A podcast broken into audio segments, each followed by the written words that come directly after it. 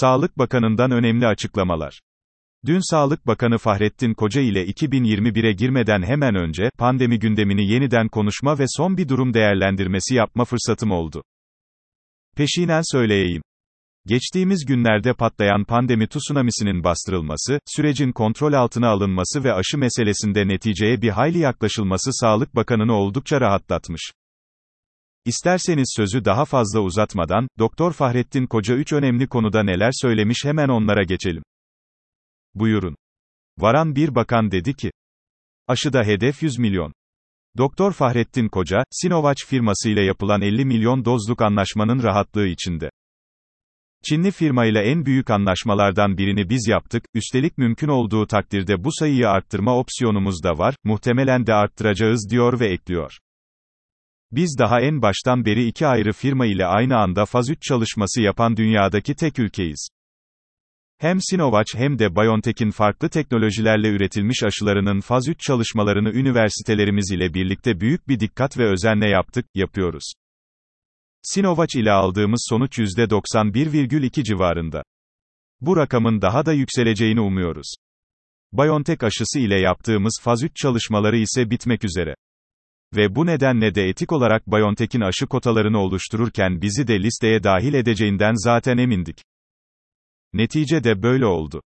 Doktor Uğur Şahin'in de değerli yardımlarıyla ilk aşamada 500 bin, sonraki aşamalarda da yaklaşık 4.5 milyon doz BioNTech aşısı için son imzaları attık. Bu rakamın 25 milyona çıkması ise ihtimal dahilinde. Kısacası yıl sonuna kadar hedefimiz 100 milyon doz aşı ile yaklaşık 50 milyon insanımıza bağışıklık kazandırmak olacak. Varan iki bakan dedi ki, mutasyonu dikkatle izliyoruz. Bilindiği gibi geçtiğimiz iki haftada pandemi gündeminin bir numaralı konusu, mutasyon meselesiydi. Bence gereksiz gürültü koparıldı. Zaten kaygı, telaş içinde olan insanlarımız lüzumsuz yere daha büyük korkulara itildi. Ben baştan beri mutasyon meselesini ciddiye almadım. Bu meselenin ne teşhisi, ne tedaviyi ne de bulaşma hızını etkileyeceğini kabullenmedim. Sevinerek belirteyim, Doktor Fahrettin Koca da hep bu görüşte oldu. Meseleye sükunetle yaklaştı. Dün yaptığımız görüşmede ise, o mutasyon bizde yok. Cümlesiyle son noktayı koydu. Sağlık Bakanı diyor ki, mutasyon meselesini zaten büyük bir dikkatle izliyoruz. Geçtiğimiz günlerde havaalanlarından aldığımız virüs örnekleri dahil hiçbir materyalde sözü edilen mutasyona rastlamadık. Kısacası şu bilgi net ve açık. Mutasyon meselesi bizi şimdilik ilgilendirmiyor. Varan 3 bakan dedi ki, yangın kontrol altında. Muhtemel bir tsunami'nin ilk işaretlerini Ekim ortalarında Sağlık Bakanı'nın daveti üzerine katıldığım Bursa ziyaretinde fark etmiş, İstanbul'da sahadan gelen neticeleri de görerek ciddi ölçüde telaşlanmıştım.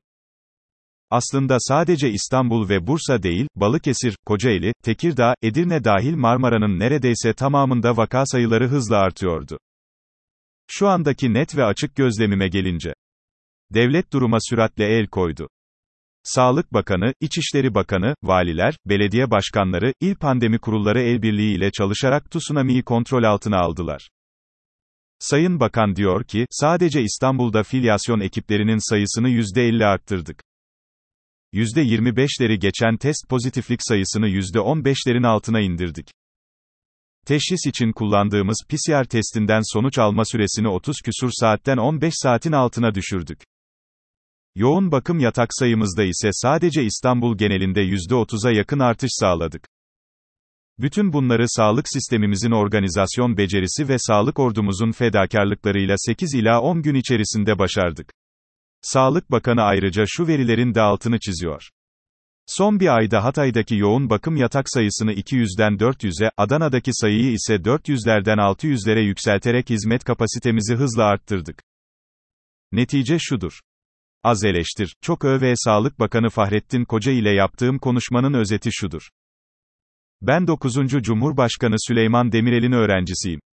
Onun en çok değer verdiğim tavsiyelerinden birini bugüne kadar ısrarla uyguladım, uygulamaya da devam ediyorum. O tavsiye şudur. Doktor, zor günlerde eleştiride kıskanç, övgüde cömert olmayı unutma. Pandemide hatalarımız olmadı mı? Oldu. Eksiklikler yaşamadık mı?